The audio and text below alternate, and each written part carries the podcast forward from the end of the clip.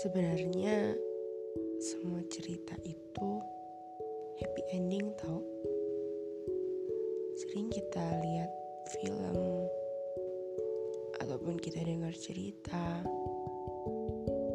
Dylan, Nathan, mungkin pikir kita mereka sad ending.